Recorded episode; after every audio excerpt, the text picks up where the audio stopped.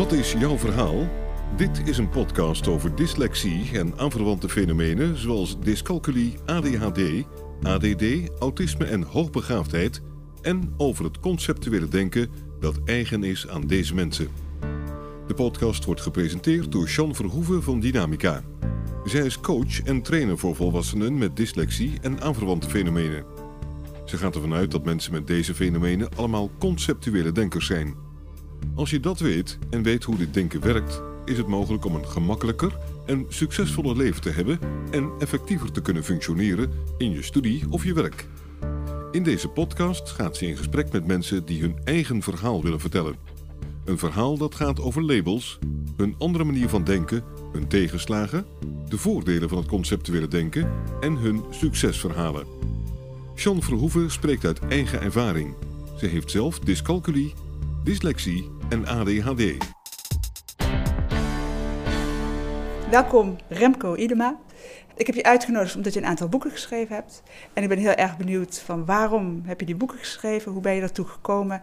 En wie ben jij? En, uh, dus of je jezelf wil introduceren. Ik ben uh, Remco Idema, ik ben uh, 55 jaar. Vader van uh, twee dochters van 17 en 20. Ja, je hebt mij uitgenodigd omdat ik schrijf. Ik schrijf al lang. Ik heb uh, eerder in mijn loopbaan, als ik HBO-docent, een aantal lesboeken geschreven. Ja. Toen ontdekte ik dat ik schrijven leuk vind. Ik vind het een prettige manier om mijn gedachten te ordenen. Mijn eerste boek over ADHD schreef ik omdat ik een diagnose had gekregen, eigenlijk met aantekeningen bezig was. En een vriend van mij op dat moment een uitgeverij begon. En die moedigde mij aan om die, uitgeven, eh, om die aantekeningen om te zetten naar een boek. Dat was eigenlijk helemaal niet mijn plan. Ja. En in dat boek vond ik wel een stem als schrijver. En daarom ben ik meer gaan schrijven. En ik ben altijd gaan schrijven over dingen die me bezighouden. En dat kunnen dingen zijn vanuit mijn werk. En ADHD is iets persoonlijks. Aan jeugdzorg en onderwijs is naar aanleiding van uh, iets met onze dochter. Is ook iets persoonlijks. Ja. ja. ja. Wat ik mooi vind in, uh, in je boek, want dat was het eerste boek wat ik uh, tegenkwam. Hè, boek Je bent er een of je kent er een. Ja, fantastische titel. Hè, maar ook dat je schrijft dat ADHD geen stoornis is. En, of in ieder geval dat het ja, dat, je niet, hè, dat je niet gestoord bent, dat, je, dat het geen stoornis is. Het is, iets, het, is, het is iets wat lastig is, maar dat het niet de stoornis is. Nou, dat, ja, het gaat ook over hoe anderen je zien als je ja. zo'n diagnose krijgt. Ja, want als je een psychiater zou zitten, zou die zeggen: het is wel een stoornis. En die kan mij ja. met de DSM in de hand uh, dat vast wetenschappelijk aantonen. Uh, maar het boek gaat ook over eigenlijk over confrontatie met het systeem en met de maatschappij, waar, waar het boek over en onderwijs feitelijk ook over gaat. Ja. En wat ik ontdekte toen ik die diagnose kreeg, is dat ik bijvoorbeeld ineens een patiënt was. Nou, zo heb ik mij uh, nooit ja. gevoeld, zo voel ik mij nog steeds niet. En ja. het, het, was best een strijd om daar weer te komen, om geen patiënt meer te zijn. Ja, ja. en dan, wat ik leuk vind, hè, is het hier altijd over, we, we, pretenderen dat het geen stoornis is. Hè. Ik, ben, ik ben niet gestoord, zeg ik dan. Ik ben een hele hoop, maar ik ben niet gestoord. Want dat ben je als je een stoornis hebt. Wat ik wel mooi vind, ook in het tweede boek, wat ik van je gelezen heb, uh, ook met een mooie titel, Baat het niet, dan schaadt het wel, ja. is dat je als iemand met ADHD in zo'n uh, heerlijke lijn, denkende organisatie zit. En dat je daarin ook je weg weet te vinden, blijkbaar. En dat je dat ook zo mooi kan uh, neerzetten, hoe het werkt. Ja, het is confrontatie met het systeem, eigenlijk ook met jezelf, hè? Ja, ja. Hey. En het is ook wel fijn om mensen om je heen te hebben, dat heb ik privé, maar op mijn werk ook, die je ook wel accepteren in al je gekkigheid, want die is er af en toe natuurlijk ook. Ja, ja dat is, en, en daar gaat het over. Ja. ja. En nou, daarom doen we deze podcast ook, zodat mensen, zoveel mogelijk mensen weten van hoe we in elkaar steken. Wat ja. heb je nodig, wat heb je niet nodig, wat hoort erbij, wat hoort er niet bij. Ja. En dat mensen zien dat het niet iets is van 1, 2, 3, 4, 5 of 100 mensen, maar van duizenden, duizenden duizenden mensen. Ja, en horen bij, echt bij beide boeken, um, in mijn hoofd vormen ze een beetje samen, omdat ze beide gaan over confrontatie, ja. horen daar voor mij wel complimenten bij, waarbij ik denk, ja, wat een raar compliment eigenlijk. Complimenten dat ik moedig ben bijvoorbeeld. Ja. Nou, ik voel me helemaal niet moedig. Ik vind het heel uh, gewoon om daarover te praten. Uh, ja. Want in dat moedigheid zit bijna iets, zit, zit iets van een oordeel, hè? Namelijk dat je... Uh, nou, ja. dat, dat, je iets bent of zo, of dat je zielig bent, of weet ik het. Ja. ja, zo voel ik dat niet en dat wil ik ook niet. Kan je iets vertellen over je achtergrond, voor, uh, voor de mensen die het boek nog niet gelezen hebben? Ja, ik kom uit een uh, groot gezin. Mijn, mijn, ouders leven nog, die zijn uh, 94, mijn vader bijna 95. kwetsbaar, maar oud. Wonen ook nog zelfstandig. Mijn oudste broer is, even denken, 65 denk ik. En ik heb nog een broer van 53. Er zit ook nog ergens een zus tussen. Ja. Nou, was een onrustig gezin. Ik ben de enige, enige met de diagnose ADHD, maar ik denk dat ze... Nou, misschien zijn er wel meer, hè? in ieder geval een aantal kenmerken. Ja. Ik heb zelf uh, bestuurskunde gestudeerd, nou best een moeizame middelbare schoolloopbaan. Eh, ik voldoe nu denk ik niet aan alle stereotype kenmerken van ADHD, maar toen wel. Ja. Springerigheid en uh, nou, dan was dat een band springen. Uiteindelijk bestuurskunde gestudeerd en ben gerold in de wereld van de overheid. Voor een deel via bedrijfsleven en dan is het consultant voor de overheid. En via een omwegje ben ik terechtgekomen bij een gemeente en daar werk ik alweer bijna 17 jaar. Vind ik wel moeilijk om te zeggen, want dat vind ik heel lang, maar ik werk er al bijna 17 jaar. In allerlei rollen. Ja, ja. precies. Dus je maakt je eigen nieuwe baan elke keer eh, binnen dezelfde organisatie. Dat schrijven, hoe doe je dat? Als uh, ja, toch hè, iemand met ADHD. Hoe, hoe pak je dat beet en hoe komt het op papier? Ja, het begint met een idee. Wat voor mij in het algemeen niet zo goed werkt, is uh, structuur. Het, uh, ik ken meer mensen die schrijven en die beginnen dan met een hoofdstuk en paragrafen uitwerken en die gaan dat invullen. Natuurlijk heb je wel structuur nodig. Hè. Het, was het laatste boek ben ik ook wel begonnen met het neerzetten van een structuur. Maar die was wel zodanig dat ik er van alles mee kon. Ja. Uh, dan is het verzamelen van materiaal, van ideeën.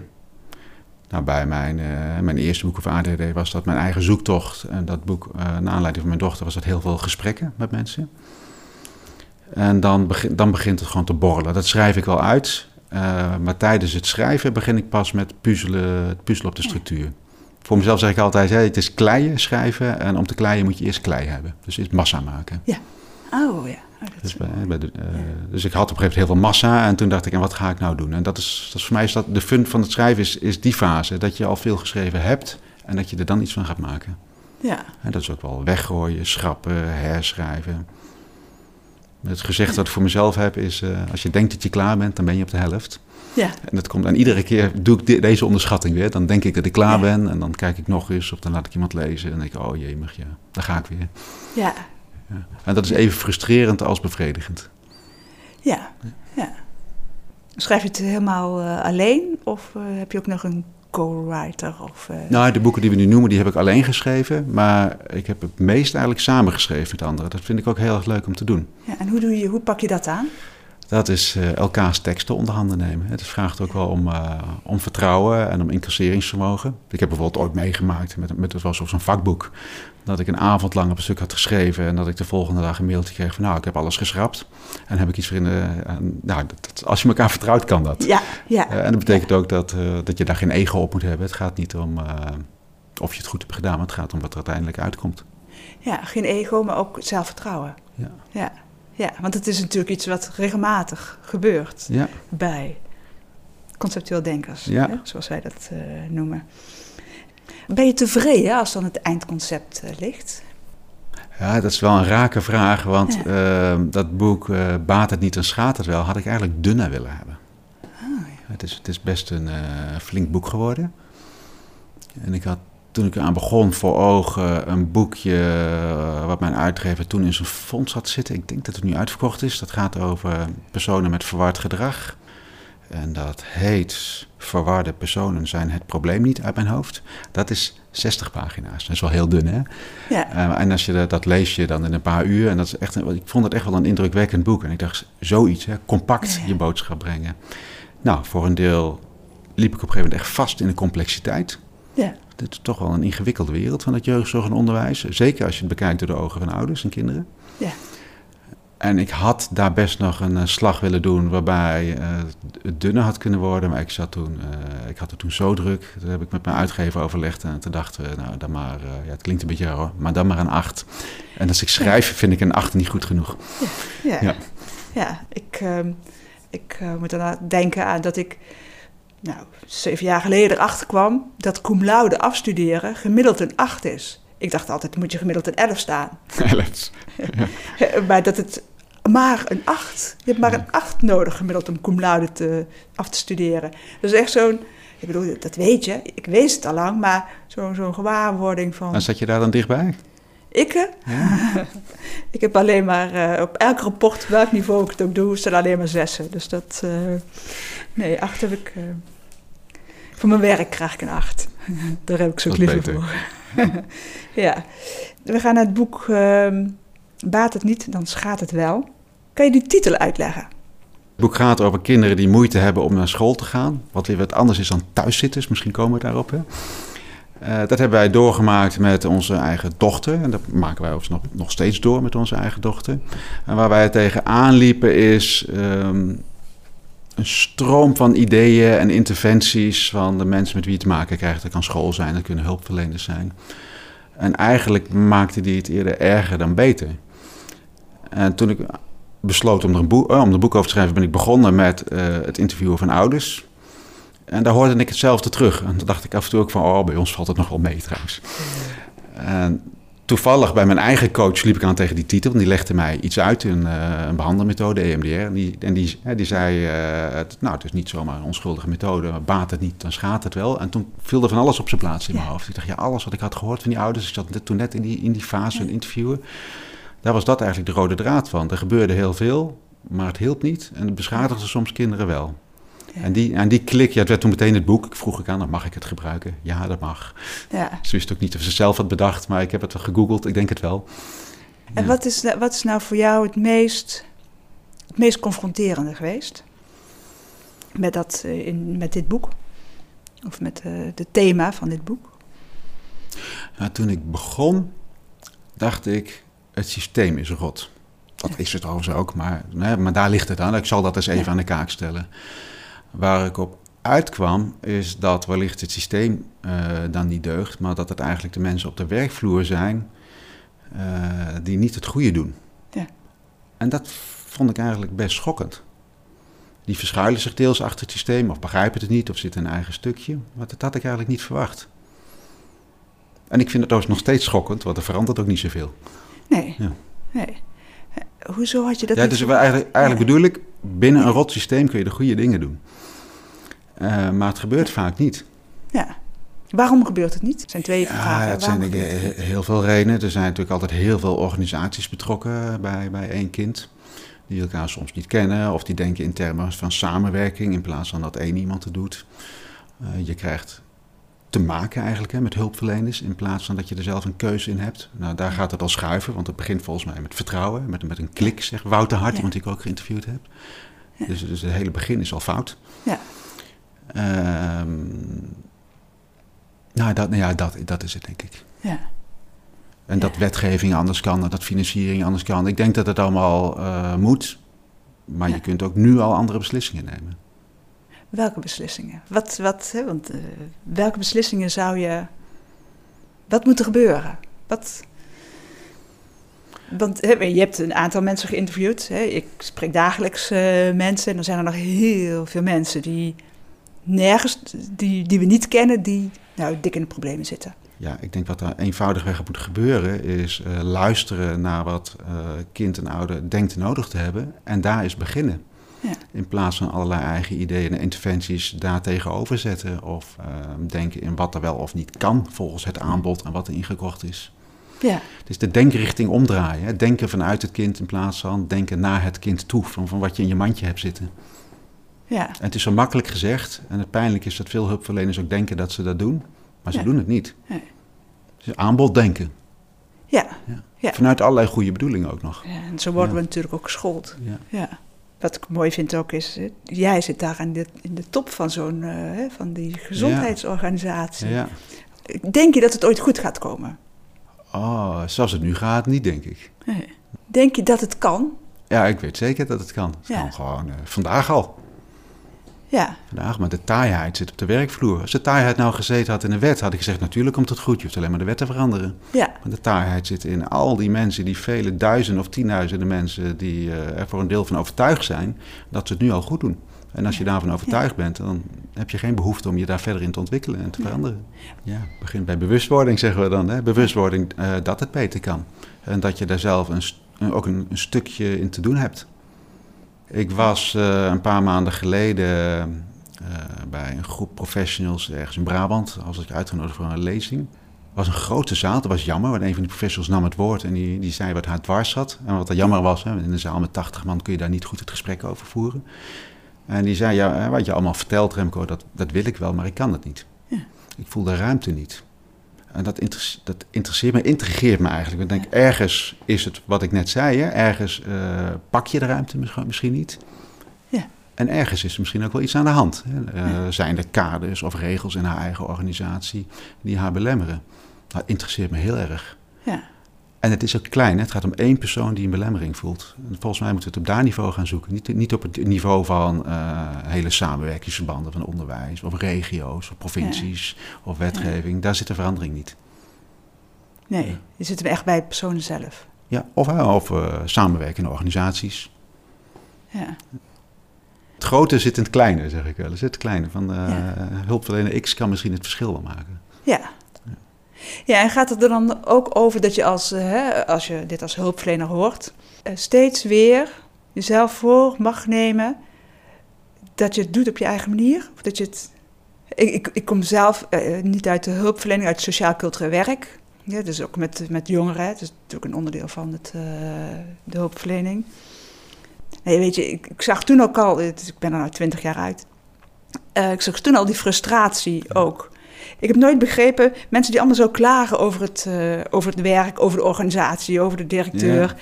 En dan denk ik, dan ga je toch, dan solliciteer je toch, dan ga je toch.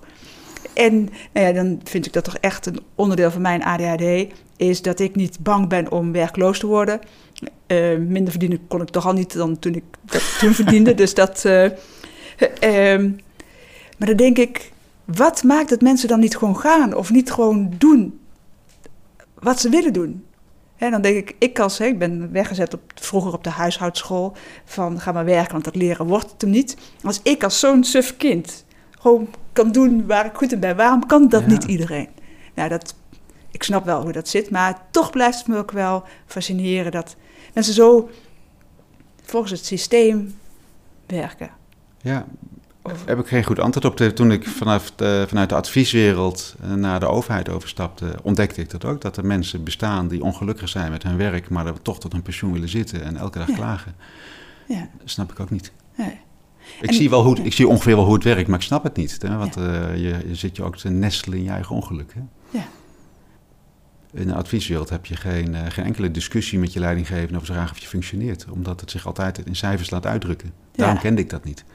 Ja, ja. Je kunt heel erg goed zijn, maar uiteindelijk moet je daar je geld op brengen. Ja. Dat heeft ook iets heel zieligs hoor, maar, maar in ieder geval heb je die discussie niet. Ja. En hoe doe je dat nou als ambtenaar dan? Hoe, hoe, hoe overleef jij? Hoe kan je met zo'n boek, zo'n boek schrijven? En ik neem aan, ik heb het niet gevraagd, maar dat je nog steeds je werk uh, doet. Ik heb nog steeds werk. hoe kan je zo'n boek schrijven? Nou, het ligt wel gevoelig. Het ligt bestuurlijk niet gevoelig. Dat, dat verrast me overigens. Maar ik heb ook de passages die gaan over mijn gemeente laten lezen aan de, de wethouders. Ja. Ik vroeg of ze het wilden. Ze zei, nee, is niet nodig. Zei nou, laten we het toch maar doen. Het heeft maar tot één wijziging geleid. En dat was een wijziging uh, waar ik het ook echt mee eens was. Want zij meenden iemand te herkennen. Een persoon. En dan, nou, dat was ook zo. Dat, heb ik, nou, dat heb ik anders geformuleerd. Voor de rest vond het allemaal prima. Onder collega's ligt het wat gevoeliger, merk ik. Ja wel een sterke mening heb waar ze het niet altijd mee eens zijn. En dat vind ik prima, hè, want vanuit debat kan wel wat moois komen. Ja. ja, en dan is het maar gevoelig, maar ja, daar zit ik dan weer niet zo mee. Nee. Wat maakt dat je daar niet mee zit? Prima dat mensen het niet met me eens zijn en ik begrijp het ook wel. Dat is het ook wel. Ik begrijp het wel dat, ze, dat, dat er mensen zijn in mijn organisatie die het lastig vinden dat ik iets schrijf over iets waar zij anders over denken. Of waar zij uh, denken, nou, je ziet het te simpel of hebben een andere visie. En dan heb ik ook nog een managementpositie. Dus dan dacht ik, ja, dan denk ik, wat wil je nou precies met ons? Antwoord is helemaal niks. Het is gewoon mijn boek, het is persoonlijk, het is mijn mening. Ja. Ik begrijp het wel. Hoort ook een beetje bij ambtenarij om soms iets van elkaar te vinden. En ik werk in Apeldoorn, dus de Veluwe. Daar hoort ook, hoort ook een beetje bij de cultuur dat je wel iets vindt, maar het niet uitspreekt. Ja. Dan denk ik, nou heb ik er ook geen last van als je het niet uitspreekt. Dat is maar beperkt geldig hoor, maar tot nu toe heb ik niet zoveel last van. en er is ook wel, en tegelijkertijd is er ook wel waardering. Hè? Dus dan, uh, dan kijk ik liever naar de waardering dan uh, naar de niet altijd uitgesproken kritiek. Ja. Kan jij, wat kan jij nou doen in jouw werk, eh, gezien dit probleem? wat hier ligt en wat er ook, nou ja, dit probleem wat er is in, deze, in onze maatschappij? Nou, de, in mijn boek neem ik een manier van kijken over van uh, een aantal mensen die daar uh, zeg maar, voor gestudeerd hebben. En, uh, kijk maar hoe wij begonnen met ons gesprek. Dan hadden we het over dyslexie en ADHD. Dat is al kijken vanuit diagnoses. Ja. Um, wat ik van Bert Wiene, die, die hierop gepromoveerd is, um, overnam, was de, de hele gedachte dat als je vanuit de als je diagnosegericht kijkt, dat je heel veel dingen niet ziet. Ja. Wat of wie iemand is. Ja. En um, nou, zowel in jeugdzorg als in onderwijs zie je dat. en nou, trouwens, als ouders hadden we af en toe ook wel last van dat we dat zelf deden. Uh, zie je dat je al snel gaat problematiseren. Hè? Je, je kind zit niet lekker in het vel en je wil weten wat het is. Ja. En de jeugdzorg wil weten wat het is, want dan kan er een indicatie komen. En onderwijs wil weten wat het is, want dan kan er passend onderwijs komen. Dan zie je heel veel dingen niet. Ja. Je bent eigenlijk aan het problematiseren. Je bent dingen eh, vanaf het eerste moment al een zorgtermen aan het uitdrukken. In plaats dat je gewoon kijkt, uh, wat is het eigenlijk voor kind? Speelt het al ja. buiten? Heeft het vrienden? Hoe erg is het eigenlijk dat een kind eens een periode niet lekker in het vel zit? Ja. Anders kijken. Ja. We, zijn heel erg, uh, nou, niet alleen kinderen, de hele, hele zorg is dit er gebeurd. We zijn heel erg uh, zorggericht gaan kijken naar problemen. Ja. En dat breng ik wel in uh, op mijn werk en, en eromheen. En soms betrap ik me erop dat ik het ook doe. Want ik ben zelf onderdeel van deze maatschappij. Ja. Het is een maatschappelijke ontwikkeling. Dat is ook het moeilijke. Ja. Je kunt er wel rake dingen over zeggen, maar die maatschappij verander je niet zomaar. Nee. Nee, en dat is wel mooi wat je zegt hè, vanuit de diagnosticering. Want wat ik, wat ik zelf ook vind, ik vind dat je als je ergens werkt, dat je niet de hele tijd moet roepen: ik ben dit, ik ben dat. Ja. Maar ik, we hebben het hier wel altijd over ADHD en dyslexie. Ja. En op die diagnosticering zit de negativiteit. Ja. Maar ja, je moet het beestje wel bij de naam noemen. ja, het heeft ook een functie, het heeft ook wel waarde. Ja. Hoe noem jij dat? Als je het erover hebt. Om het helder te krijgen. Want sinds ik weet dat ik niet dom en lui ben, maar dyslectisch. Denk ik van, oh, oké. Dus het is hè, niet mijn schuld, of het is niet mijn, eh, dat ik niet genoeg, hard genoeg gewerkt heb, dat ik die taal niet Ja. beheers. Ik kan het gewoon niet. In de mate zoals ze willen dat ik Ja. het eh, kan, want ik kan heel goed praten. En schrijven ook. Maar heb jij daar, hoe is jouw kijk erop?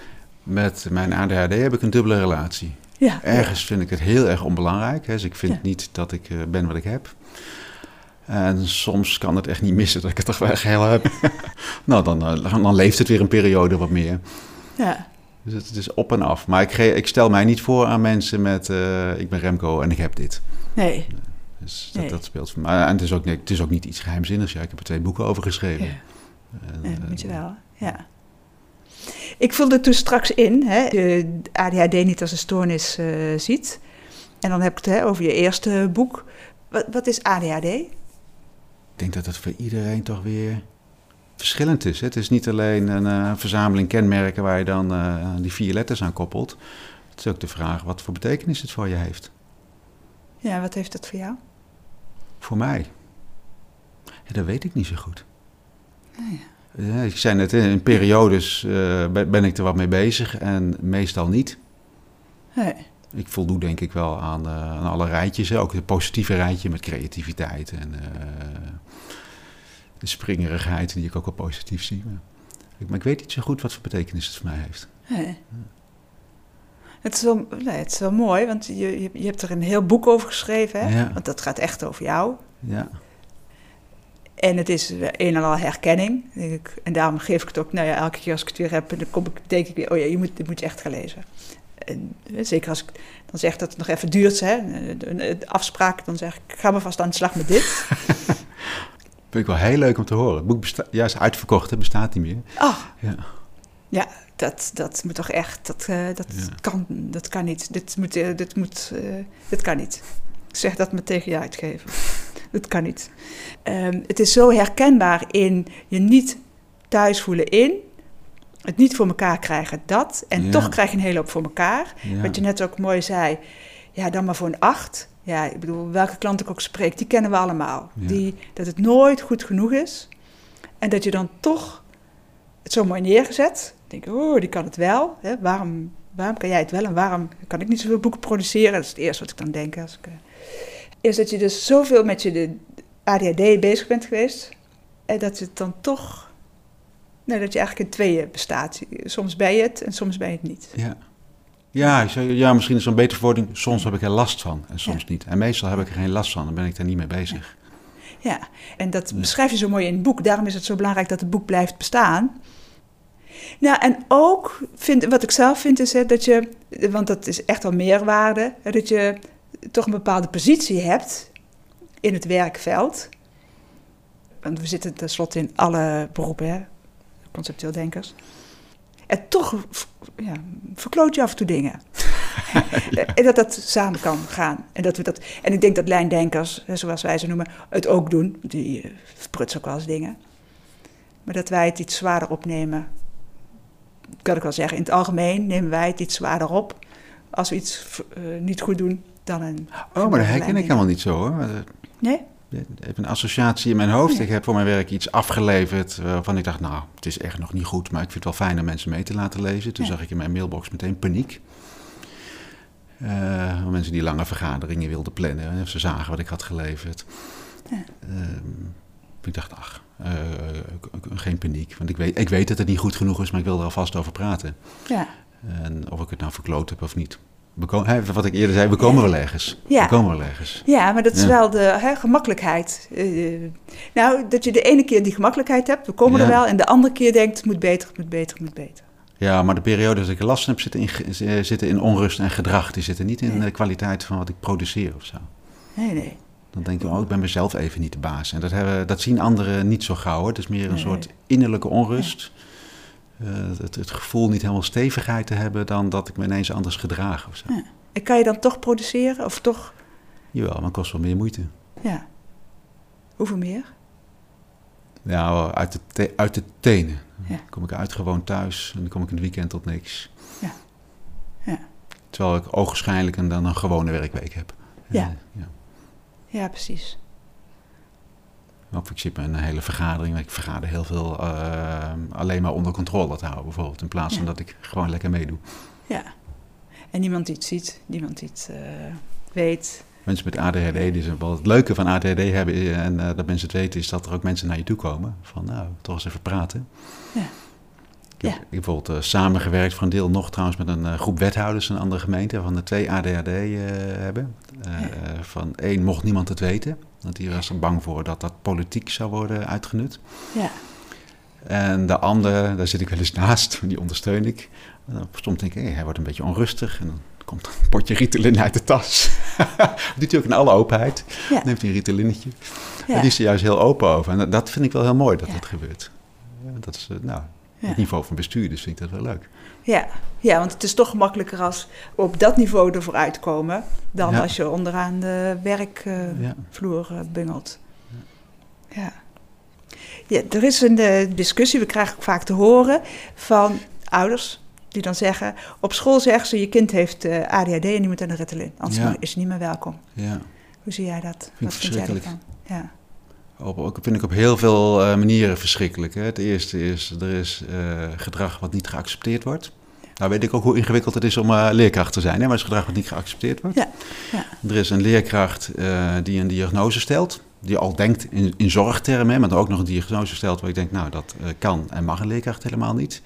En er vervolgens ook nog een conclusie aan verbindt in de sfeer van medicatie. Dat is echt drie keer fout. ja. En wat kunnen die ouders dan? Nou, ik hoop dat ouders daar wel een eigen weg in zoeken met hun kind. In plaats van eh, dat ze zich emotioneel gechanteerd voelen. Hè? Want de ondertoon kan ook nog zijn, of zeker nog, mijn boek laat ik een ouder aan het woord waar dat gebeurde. Ja. Als je kind geen Ritalin gebruikt, moet het van school af. Ja. Maar daarmee zeg je ook in feite, als, als dat op school gezegd wordt, dan hoeven ouders daarin niet mee te gaan. Dan moeten ouders daar niet in meegaan, zou ik zeggen. Eh, Ze kunnen wel meegaan in dat er kennelijk iets aan de hand is. Ja. En ik heb overigens ook wel compassie voor leerkrachten. Hè? Want je zult maar 32 kinderen in de klas hebben Absoluut, eh, ja. waarvan alles mee aan de hand is. Eh, maar het gaat uiteindelijk om de goede weg zoeken voor je eigen kind. Ja. ja. Dus je hebt als ouder altijd zeggenschap. Ja, en mogen kinderen ook een beetje springerig zijn op school?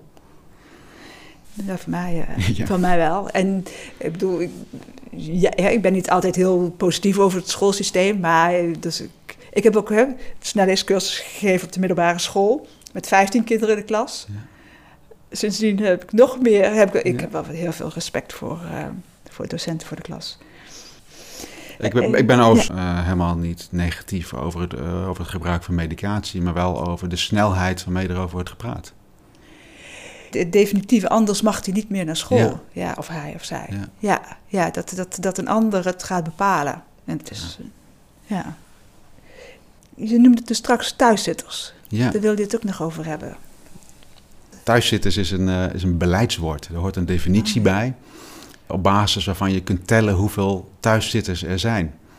Maar dat is wat anders dan eh, kinderen die moeite hebben om naar school te gaan. Er zijn heel veel kinderen die weinig naar school gaan, die niet naar school gaan, of die wel naar school gaan en de hele dag in een zorglokaal zitten. Die zitten allemaal niet in die definitie naar thuiszitters.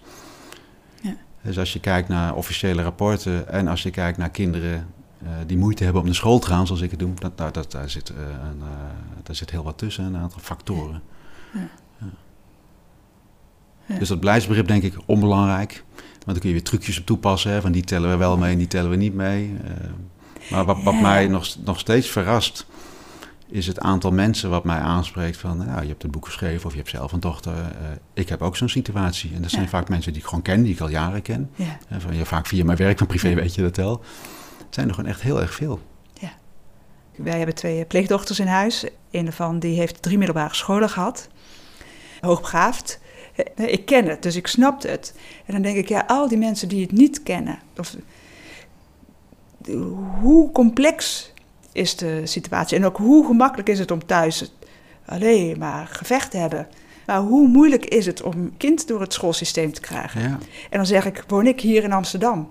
Heb ik het voor het uit... Toen hadden we nog voor het uitkiezen naar welke school je gaat. Ja, en dan krijg je verhalen van docenten... Hè, die niet erkennen dat ze zelf eh, ook conceptueel denker zijn. En maar, eh, en maar gewoon zegt tegen je kind, je moet het gewoon uitzitten. Ik. Dus hoe moeilijk is het voor al die mensen die niet weten... dat er kinderen zijn die niet in het schoolsysteem passen. Ja, en hier zit ik dan wel met, met, een- met, een systeemvraag. Want ik heb, ik heb het natuurlijk heel gehad over de, de professionals zelf. Maar het aantal kinderen met hoogbegaafdheid en hoogsensitiviteit is echt geëxplodeerd. Ja. Nou, maar ze zijn er. En, en hoe moeilijk is het nou om daar onderwijs voor te organiseren? Anders dan plusklas. Hè? Want denk, ja. Ja. kinderen die overpresteren, daar kun je iets voor organiseren. Maar de kinderen die onderpresteren, die het echt moeilijk hebben, die vallen echt tussen wal en schip. En dat weten heel veel mensen al heel lang. Ja. Dat verbaast me echt dat dat er niet is. Ja. Heb je nog enig idee wat daarin eh, moet gebeuren? Ja, gemeenten zouden daar een rol in kunnen pakken. Gemeenten bij jeugdzorg geldt alleen die tekorten, die helpen dan niet echt. Hè? Nee. Ehm, en bij het ministerie van Onderwijs, bij de mensen die ik geïnterviewd, proefde ik veel begrip en welwillendheid. Ik bij de inspectie. Dan denk ik, nou daar zit het kennelijk niet. Maar mijn beeld was conservatieve wereld. Hè? Ik, Ja. denk, ik denk dat Ja. eh, de moeilijkheid meer op het politieke niveau zit. Wat, wat moet daar gebeuren? Kan je dat, eh, weet je dat?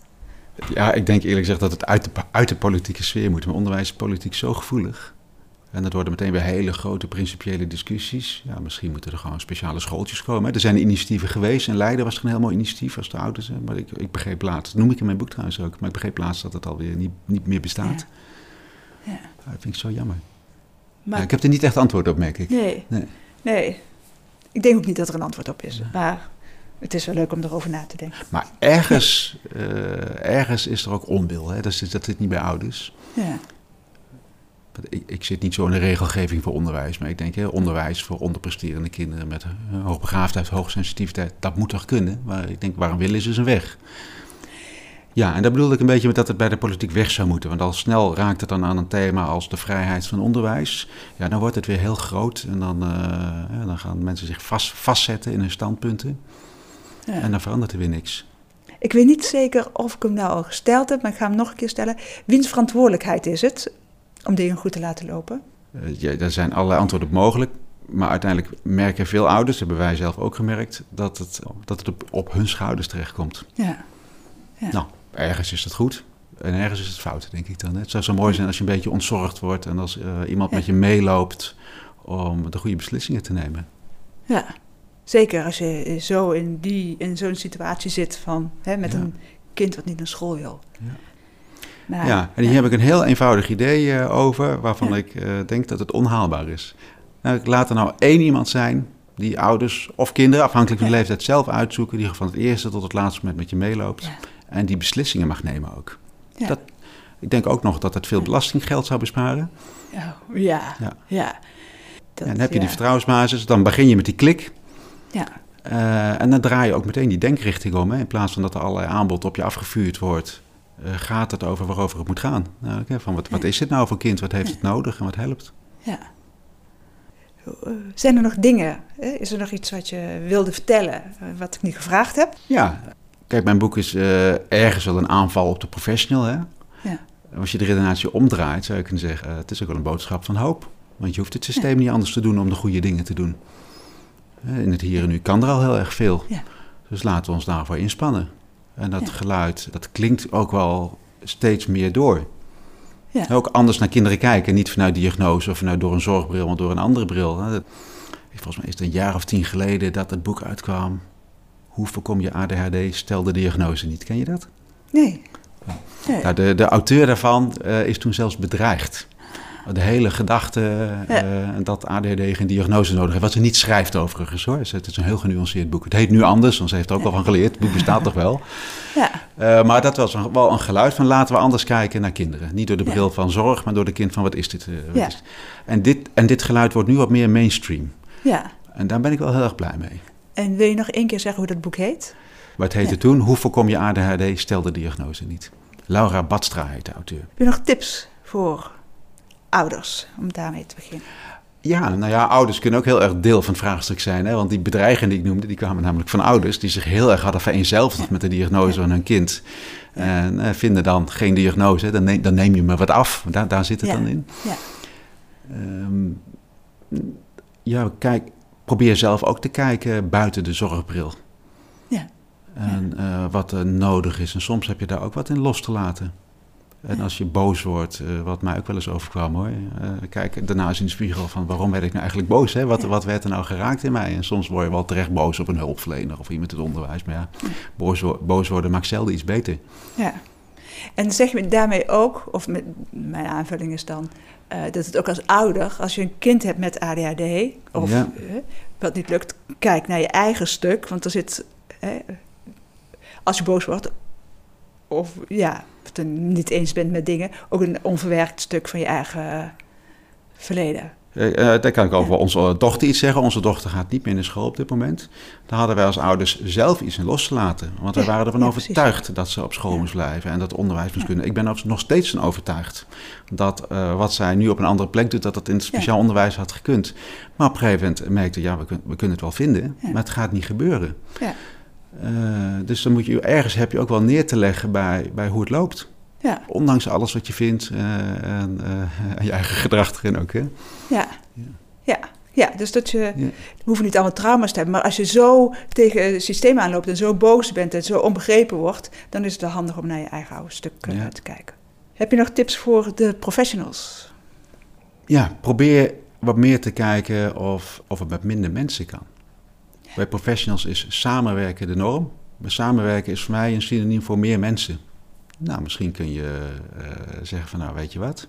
Ik doe een stapje naar achteren en ik laat een andere persoon het doen. Dat maakt het voor ouders en kinderen allemaal veel Ja. simpeler. Inclusief alle bevoegdheden die erbij horen. Van die mag dan ook beslissen over mijn stukje. Ja, ja.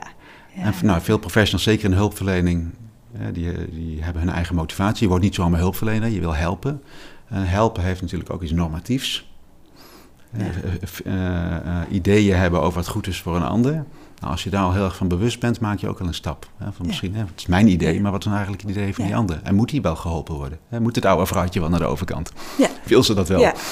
Ja. Ja. Ja. Precies. Dat is ook een hele goeie. Heb je nog tips voor jongeren? Ja, probeer te zeggen wat je vindt. Vinden veel jongeren heel erg moeilijk. Als je bijvoorbeeld, en dat is schering inslag, hè, met veel volwassenen aan tafel zit, omdat dat nou eenmaal zo moet. En dat heet soms een MDO of een commissie toelaatbaarheidsverklaring of een zorgteam van alles. Zeg gewoon dat je het niet wil. Ja. Hè, dat je één persoon wil. Als, als dat zo voor je is. Ja. En probeer je begeleider eens thuis te laten. Ah, ja. Dat je begeleider identificeert zich misschien ook wel met wat je hebt in plaats van eh, met wie je bent. En heb, is het dan, gaat het dan over de gekozen begeleider of de niet gekozen begeleider? Ja, dat weet ik niet altijd. Hè? Nou, laten we eens aangaan bij de gekozen begeleider. Ik heb zelf meegemaakt in mijn eh, vorige functie dat er werd mij gevraagd of ik met jongeren met ADHD wilde praten. Ja. Want was de gedachte dat ik dan een rolmodel was. Dat past niet bij mijn ego, want dat is kleiner dan mijn mond. Maar ik vond het wel heel erg leuk om met jongeren met ADHD te praten. Maar wat ik zo opvallend vond, is dat ze allemaal hun begeleider meenamen. Ja, Eh, dus ze zaten daar allemaal ADHD te hebben, in plaats Ja. van gewoon te zijn wie ze zijn. ja. Dat vond ik heel opvallend. Ja, Dat is gewoon jammer. Wees gewoon, probeer te zijn wie je bent. En dat is voor iedereen moeilijk en voor jongeren nog meer. Hè? ja. Maar een begeleider helpt daar dan niet bij. Nee, en, en want dan moet ik hè, denken aan, aan, aan, eh, eh, een van mijn kinderen. Die zei, je moet mee, maar je mag pas je mond open doen als ik erom vraag. En lukte je dat? Ja, ja, want anders kreeg ik de, de- werd er gezegd van mond dicht. Ja, dus die, die, dat hebben we wel van jongs af aan eh, afgesproken thuis. Dat ik de kritiek die ik krijg te hard moet nemen en dat het ook klopt als hij het eh, zegt. Nou, ik eh, dank je wel hiervoor. En ja, dan als tips, hè, lees, lees de boeken van Remco Idema. Dank je wel, Remco. Goed. Het was fijn om je hier te hebben. Oké, dankjewel. Wil je reageren op deze podcast of heb je vragen? Stuur dan een mail naar podcast.dynamica.nl. De reacties zullen worden meegenomen in volgende podcasts. John Verhoeven geeft coaching, workshops en trainingen. Wil je meer informatie? Kijk dan op www.werkendyslexie.nl of www.geniaaloprechts.nl of bel 020 639 1099 020 639 1099. Jean Verhoeven heeft twee boeken geschreven over dyslexie: Slimmer dan je baas en Dyslexie, Stoornis of Intelligentie. Deze boeken zijn te koop in elke boekhandel. Stuur de podcast door naar iedereen waarvan je vindt dat ze meer zouden moeten weten over dyslexie, ADHD, ADD, dyslexie, dyscalculie, autisme en hoogbegaafdheid en het conceptuele denken. Deze podcast is gemaakt in samenwerking met Marcel de Hoog van Storytelling Media. Hij verzorgt de technische, redactionele en morele ondersteuning. Tot de volgende aflevering.